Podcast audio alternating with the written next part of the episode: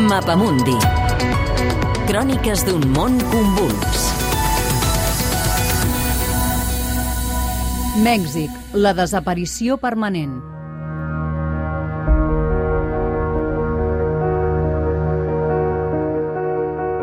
Ese día que yo llegaba a pasar Navidad, mi hijo mayor, Dan Jeremel, tenía que pasar por mí a la central.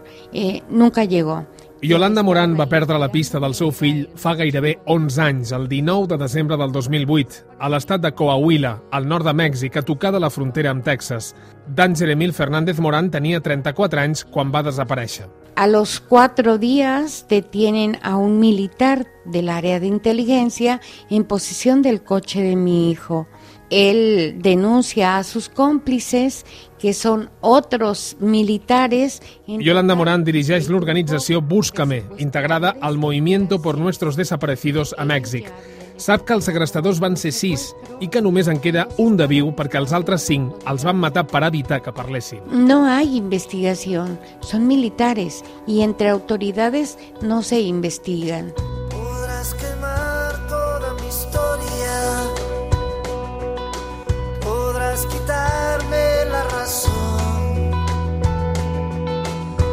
Esconderme la memoria, pero jamás mi corazón. La història de Yolanda Moran i el seu fill d'en Jeremil és similar a la dels més de 40.000 desapareguts reconeguts per les autoritats. Una xifra, però, que segur que es queda curta perquè només arriba fins a l'abril del 2018, quan el govern va deixar d'actualitzar-la. A Mèxic, la violència s'ha cronificat. 33.000 assassinats l'any passat.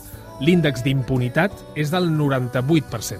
En Chihuahua tenemos registros de que al mes tenemos hasta 151 homicidios al mes. Significa que diarias tenemos 5 ejecuciones. Maricela Vázquez és advocada del centre Paso del Norte que representa familiars de desapareguts en una ciutat paradigma de la violència, Ciudad Juárez, a l'estat de Chihuahua. Parla d'un país dominat per estructures criminals on conflueixen narcos, policies, militars, polítics, jutges i fiscals.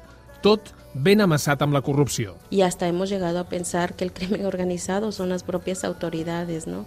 Porque resulta que quien comete la desaparición forzada puede ser agentes estatales y quien investiga la desaparición forzada son esos mismos agentes estatales, ¿no? Y Maricela Vázquez i Yolanda Morán han participat en un seminari a Barcelona organitzat per l'Institut Català Internacional per la Pau. Coincideixen a denunciar la falta de voluntat política i de recursos. Especialment greu és la situació dels serveis forenses on es calcula que hi ha 37.000 cadàvers per identificar. Paso del Norte tuvo un caso de un joven desaparecido en febrero del 2009.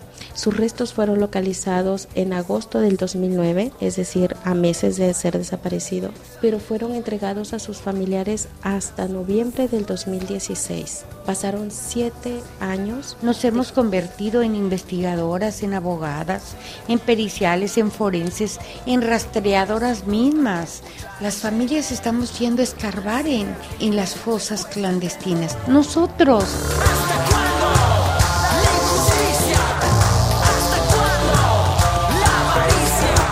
Amb Andrés Manuel López Obrador a la presidència des del desembre del 2018, un aniversari al cinquè d'un cas molt emblemàtic sembla haver remogut les coses a Mèxic aquesta tardor. ¿Y nuestros hijos qué? ¿Dónde están nuestros hijos? ¿Verdad? ¿Qué mal le hicimos? ¿Qué delito es el que cometimos los padres o nuestros hijos? ¿Qué delitos? Epifanio Álvarez és el pare d'un dels 43 estudiants desapareguts a Yotzinapa, a l'estat de Guerrero, el 26 de setembre del 2014. Se sospita que al darrere hi ha la policia i l'exèrcit, però els tribunals han arribat en un carreró sense sortida.